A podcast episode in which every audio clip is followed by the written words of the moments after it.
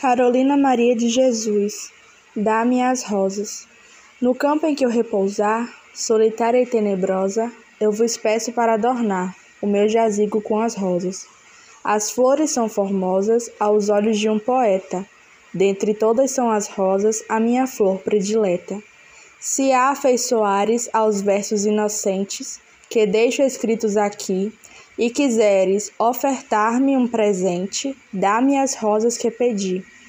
Agradeço-lhe com fervor, desde já o meu obrigado, se me levares esta flor no dia dos finados.